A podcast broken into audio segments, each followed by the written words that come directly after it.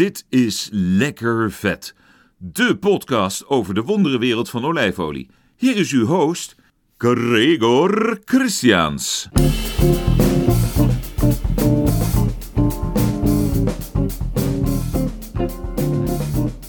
Beste luisteraars, ja, in deze podcast nummer drie alweer eh, ga ik praten met een, eh, een bijzondere vrouw, producente, eh, restaurateur en, en olijfolie sommelier, Marije van der Boogaard, in Portugal op dit moment. Boa noite, tudo bem, Marije, zeg ik dat goed?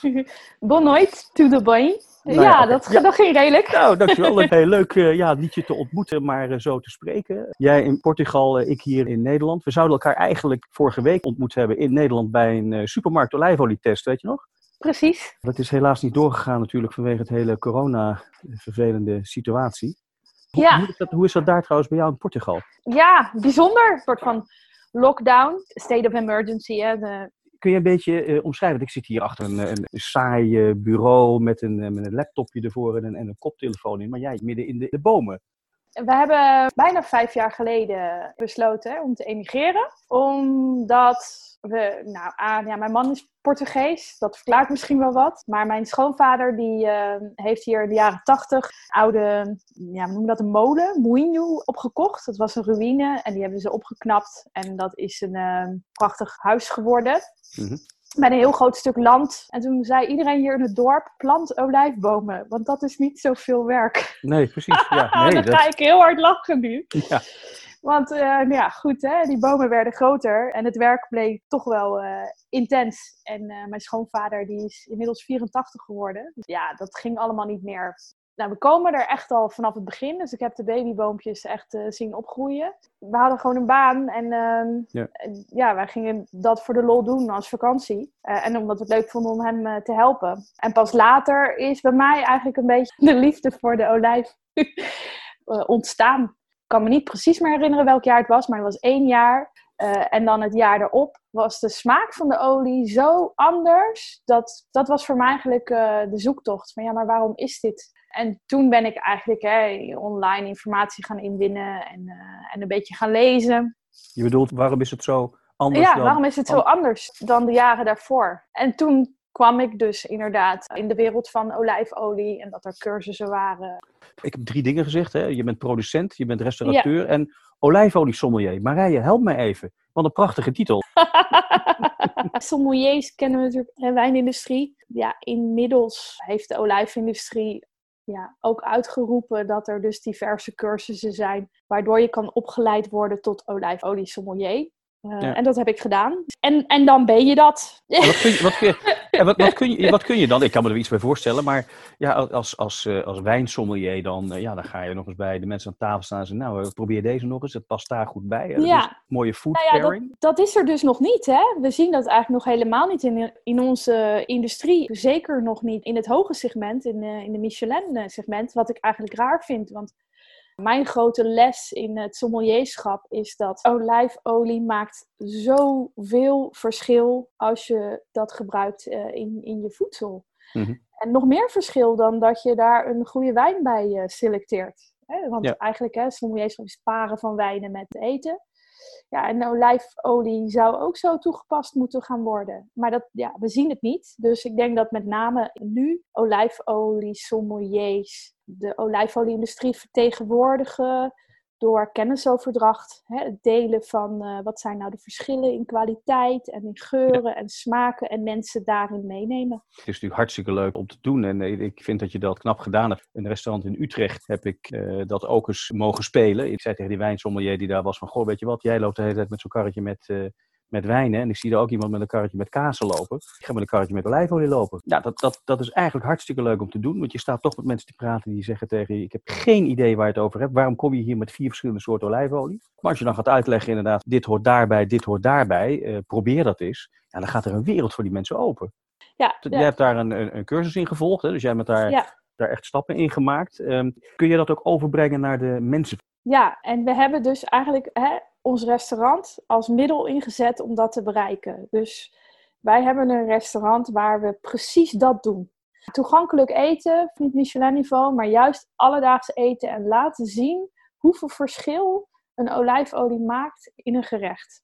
En dat je dus met de selectie van olijfolie ook echt een hele andere beleving krijgt van voedsel. En dat deed ik daarvoor eigenlijk ook al, maar dan middels uh, olijfolie tastings. Heb je in, uh, in het restaurant verschillende olijfolie die je dan laat proeven? Of? Ja, we werken nu met ongeveer 20 Portugese producenten. Wauw. Dus ja, en uh, altijd op zoek naar mooie nieuwe producten en producenten die iets moois willen maken. Toen ik tastings ben gaan doen in Nederland en ik ben kleine markten gaan doen, zo ben ik eigenlijk begonnen, mm -hmm. is dat mensen kijken eigenlijk alleen maar naar de verpakking of naar de prijs, ja. maar niet naar de inhoud. En hè, door workshops te geven en blind laten proeven en proeven met eten, zie je dus eigenlijk dat die andere twee ja, wat meer ondergeschikt zijn. Kijk, prijs is natuurlijk altijd nog wel belangrijk, maar ik reken het altijd maar om. Wat is het? 30 tot 50 cent per maaltijd aan olijfolie.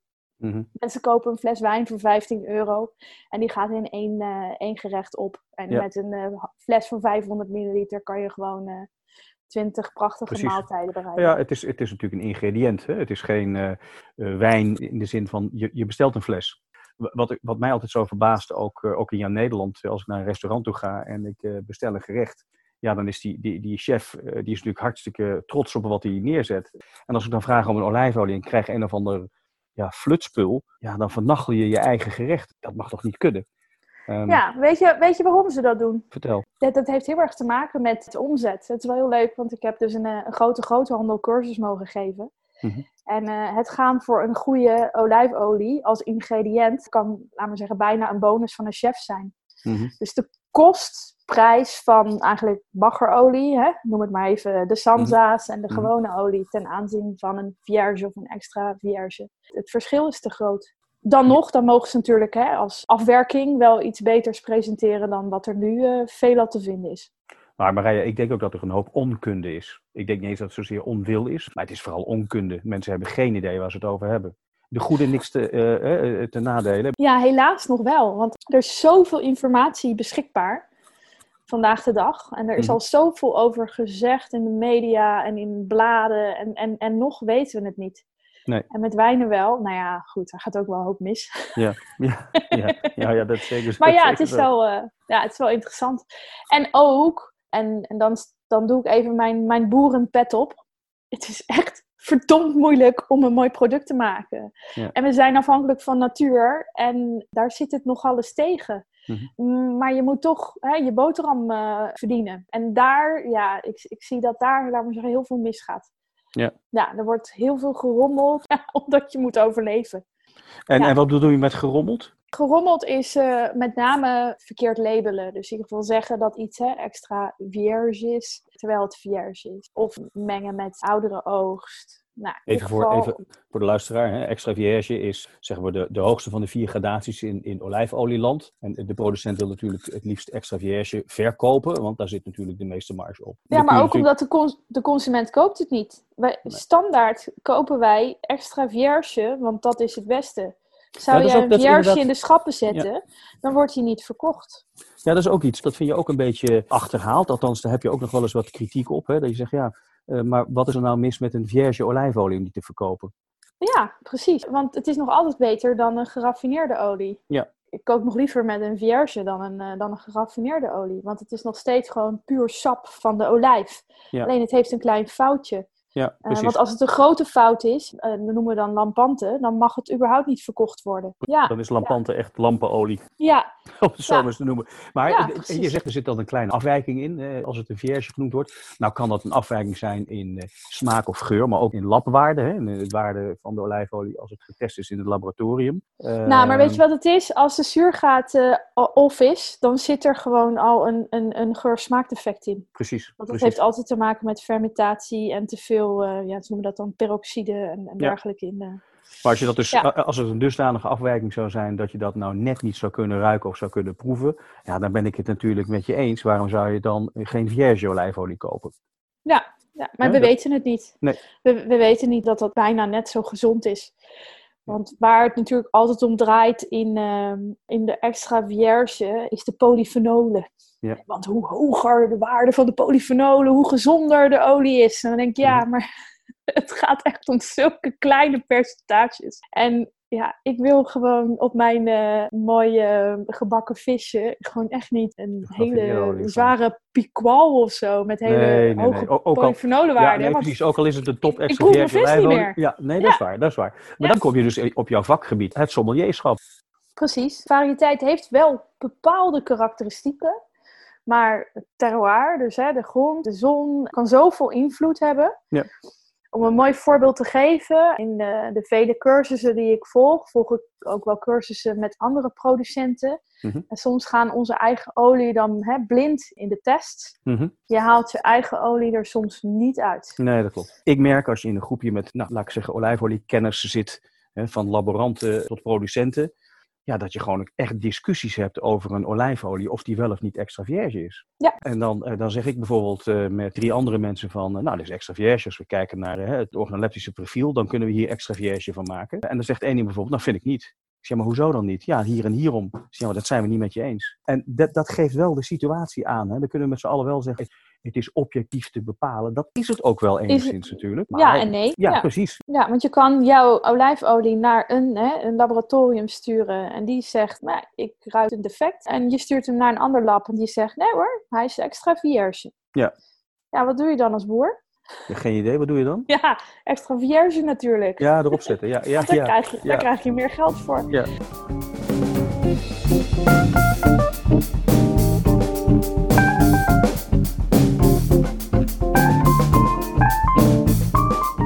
Dat heb je natuurlijk ook bij uh, competitions, uh, awards die uitgegeven worden aan, uh, aan olijfolie. Ja, de gebakken luchtshows. Ik, ik denk, ik, ik, ik, denk ik, ik zet hem even voor. ja, ja, ik ben echt, iedereen weet het, ik ben geen voorstander. Ik snap dat het een manier is, een middel om je product te presenteren. Daar zitten natuurlijk hele mooie marketingkanalen achter. Maar ik heb zoveel voorbeelden dat het gewoon echt aan geen kant klopt. En weet je, iedereen krijgt maar een gold medal. En als je een gold medal hebt, dan ben je natuurlijk de best. En uh, ja, ja. Ja, nee. Het is natuurlijk een middel om als boer of producent wel uh, je olie door nou, gerenommeerde mensen te laten proeven. Ja, een beetje publiciteit te krijgen. Alleen Ja. het zegt gewoon helemaal niks. Het zegt Nee. gewoon echt niks. Weet je, in New York geloof dat ze in een ochtend een paar honderd olie eh, moeten gaan proeven. Nou, weet jij dan eh, aan het eind van zo'n sessie nog... eh, eh, dan, ben, dan ben je er helemaal klaar mee, joh. Ja. Weet je, als Ik heb, ik heb eh, geen idee met hoeveel mensen ja, doen, maar dat lijkt me wel tien, veel, ja. eh, tien, tien olietjes eh, of twintig olietjes achtereen proef, dan denk ik op een gegeven moment ook wel, eh, het is even klaar. ja. Ik zie ook heel vaak eh, internationaal gezien ook dezelfde testers. Altijd. Ja, want het is, een klein, het is een kleine club mensen die gewoon de expertise hebben. En, en het wereldje kent elkaar. Het is een ons kent ons wereldje. Ja, Dus, dat, dat, dat, Vaak worden dat, ze veel- veel gevraagd.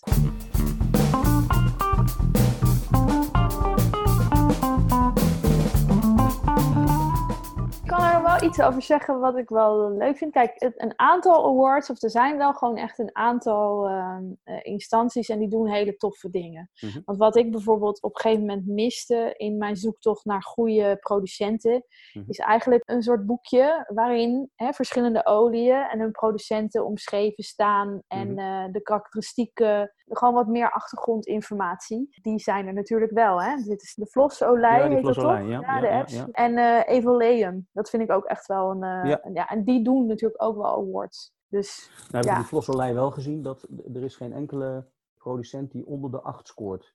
Nee, ja, daar gaan we natuurlijk weer. Het zijn natuurlijk ook wel weer de bedrijven en de producenten die, eh, ja, als kleine producent, en over kleine producenten is misschien ook wel interessant om te weten. Kijk, wij maken hè, 1500 liter op een jaar. Mhm. Om deel te nemen aan dit soort instanties of aan dit soort competities is gewoon niet rendabel en het is het niet waard. Want het, je- je bent voor een sample hè, iets van eh 300, 400 euro kwijt. eh, om überhaupt al mee te doen. Dat zijn gewoon best wel investeringen eh, die, Ja. die je gewoon niet kan doen. En dan kan je beter focussen op de kringen om je heen om het verder uit te zetten.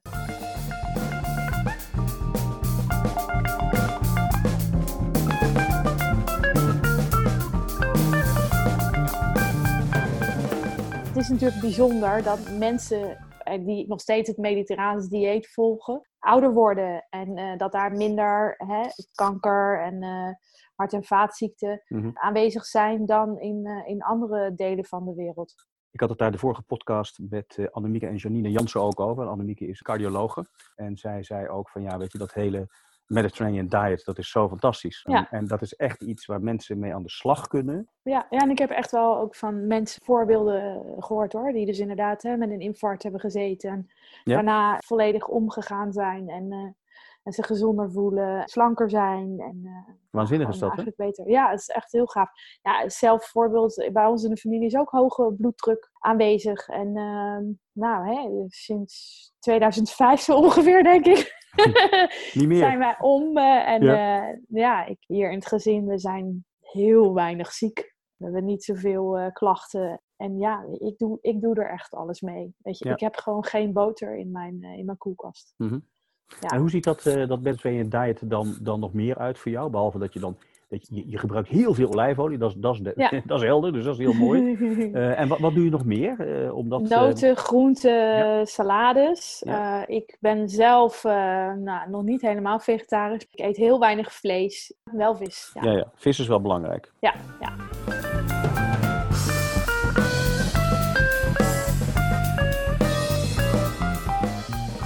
Wat ik hier doe, ik ben gek. Want ik, ik weet niet of ik hier ooit van kan leven. Daarom Mhm. hebben we ook een restaurant. Het is, dit is niet rendabel. We zitten eigenlijk in twee sectoren die eh, het niet makkelijk hebben. Mhm. Door ja, deze maatregelen. Want de olijfoliesector die gaat daar ook nog heel veel van, eh, van voelen. Je Eh, bedoelt twee sectoren, dus de olijfolie, ja, de, ja, ja, de en het en, de restaurant. Ja, Ja, want je hebt daarnaast ook nog een restaurant, hè?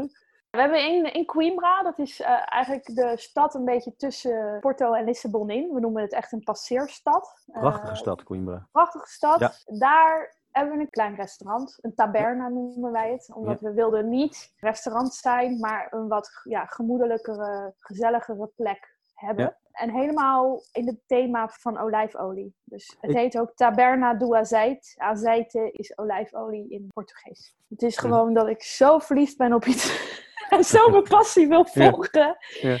En wil leren. En, eh, en, en ook eigenlijk eh, mijn kinderen iets wil eh, achterlaten. Ja, en dan ook nog in Portugal. Dat is natuurlijk fantastisch. Ja, ja, nou ik heb wel bedacht dat inmiddels dat ik wel overal ter wereld terecht kan. Met de kennis en expertise die we inmiddels hebben opgebouwd. En er komt ook een tekort. Maar we waren dus in Córdoba en Jaén. En eh, nou, wij, wij doen ook een aantal jaren al samen met een hele groep Spanjaarden snoeien. Snoeien is Ja. echt een vak apart. En er is gewoon een tekort aan. Dus ik weet, nou oké, ik kan altijd nog terecht als seizoensarbeider. Kijk, kijk. ergens snoeien of zo. De droom is ook wel hè, eigen faciliteiten. Ja. echt van, nou ja, van, van het kleine boompje eh, enten of hè, vanuit een olijfboom een nieuw boompje maken. Mhm. Tot het daadwerkelijk olie in mijn flesje stoppen. Ik heb het gedaan. Ja, mooi. Ja, Ja. nee, dat is waar. Vertel me nog even wat meer over jouw eigen olijfolie. Nou ja, het, he- het heeft natuurlijk een hele evaluatie doorgemaakt. De- het merk, hè, dat is Passeite. En dat komt van Azeite da Familia Passos. Dat heeft mijn schoonmoeder eh, ooit bedacht, die naam. Betekent in het Portugees passeren. Dus eigenlijk, eh, Ah, oké. ja, je, je bent me gepasseerd. En Mhm. dat is voor Coimbra weer echt een topslogan, want dat is echt een passeerstad. Ja, ja. Ehm, maar weet je, we hebben dit over kunnen nemen van eh, de schoonouders. Mijn schoonvader is in dit dorp eh, geboren en wilde dus eigenlijk ook weer sterven hier. een soort cirkel rond is En dus ook hè, die gaard is, eh, aangeplant. Ja, ja. het is Ja. geweldig. dat jij duurzaamheid enorm hoog in het vaandel hebt. Dat eh, laat je niet alleen zien in eh, hoe, je, hoe je omgaat met de olijfolie, maar ook zeker hoe je het verkoopt en hoe je het bijvoorbeeld naar Nederland toe brengt. Dat gaat met een zeilschip. Ja. En dat komt dan aan in Scheveningen. Eh, jij bent daar dan zelf ook bij en je, je verkoopt het van de boot. Het idee alleen al is fantastisch en ik raad de luisteraars ook echt aan om dat te gaan doen als de volgende oogst weer aankomt. Ja, ik hoop het. Het is even spannend nu. Ja. Want het schip ja, uit Colombia ja, steekt nu eigenlijk Atlantic over. Mhm. En naar verwachting zouden ze midden april hier Porto aan moeten komen. Maar ja, de vraag is of ze aan wal mogen. En dan eh, doen ze een aantal festivals in Frankrijk, komen ze terug. En dan nog een eh, vaart richting Noord-Europa. Dus als het goed is, staat Scheveningen nu dit jaar in augustus of september op zijn plan. Dus wel, wel wat later. Maar goed, eh, wel, eh, ja, wel weer fantastisch. En vanuit die reden werken wij dus ook met bag-in-boxen. We doen tests hier ook met de houdbaarheid. Ja, het is echt bizar als je nu een ehm, olijfolie van, eh, van drie oogsten geleden opent. Dan is die gewoon echt nog goed. De wijnindustrie heeft het een beetje verpest voor ons. Want het heeft natuurlijk hè, een goedkope reputatie. Ja. Maar eh, ja, ik ben er wel voorstander van. Hoe beter verpakt eh, uiteindelijk, hoe eh, mooier het bij de consument eh, op tafel komt. En daar gaat het uiteindelijk om dat iedereen eh, kan genieten van een, van een mooie olijfolie. Bij Ja. mooie gerechten, ja, daar heb je wel nog een sommelier voor nodig die dat even gaat uitleggen. Dat ben jij natuurlijk. Ik wacht wel op jouw eerste boek. Mag ik dat even Ah bij ja, ja, ik zeg Die altijd, die nog komt als de kinderen studeren. Nee want joh, dat moet je gewoon bij. Die hebt toch niks te doen. Nee je joh, een boekje nee, bij. nee. Ja joh, leuk. Ik, ben, ik, ik ben de eerste die het, eh, die het gaat lezen als je hem, als je hem af hebt. Oh, dat is Ehm, lief. Marije, ontzettend bedankt voor jouw eh, eh, avond. Kids zijn naar bed. Ehm, Ja. Ik ga in deze lockdown-periode nog maar eventjes een, een mooi glas wijn opentrekken. Ik geloof dat ik nog ergens een, een DAO heb staan. Ik weet niet of dat mag. Oh, nou, ja. Ja, Dus ik ehm, blijf nog een beetje in de, in de Portugese sferen. Mag ik jou ontzettend bedanken voor jouw tijd. Wij gaan natuurlijk elkaar sowieso nog zien in Nederland, want die test die staat er nog steeds. En die gaan we ook zeker doen. Het is alleen een beetje uitgesteld. Ja. Ehm, zijn er nog eh, zaken waar jij op wilt terugkomen of die je nog even wil zeggen? Nee joh, dit doen we gewoon in de volgende podcast. De volgende, de volgende podcast, ja. Maar dan draai je het wel om, hè? Nou, het is wel een keer heel leuk inderdaad om eens een keer over echte Portugese olijfsoorten te hebben. Het is totaal ondergeschikt in ieder boek, Mhm. ook die van jou. Heb En, ik daar eh, geen enkele verwijzing naar gemaakt? Nee.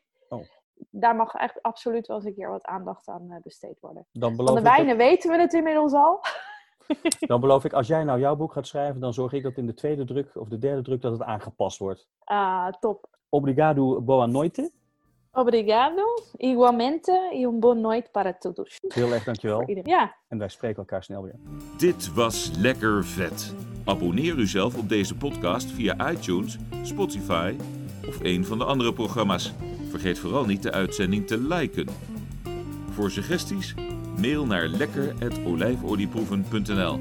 Maak er een vette dag.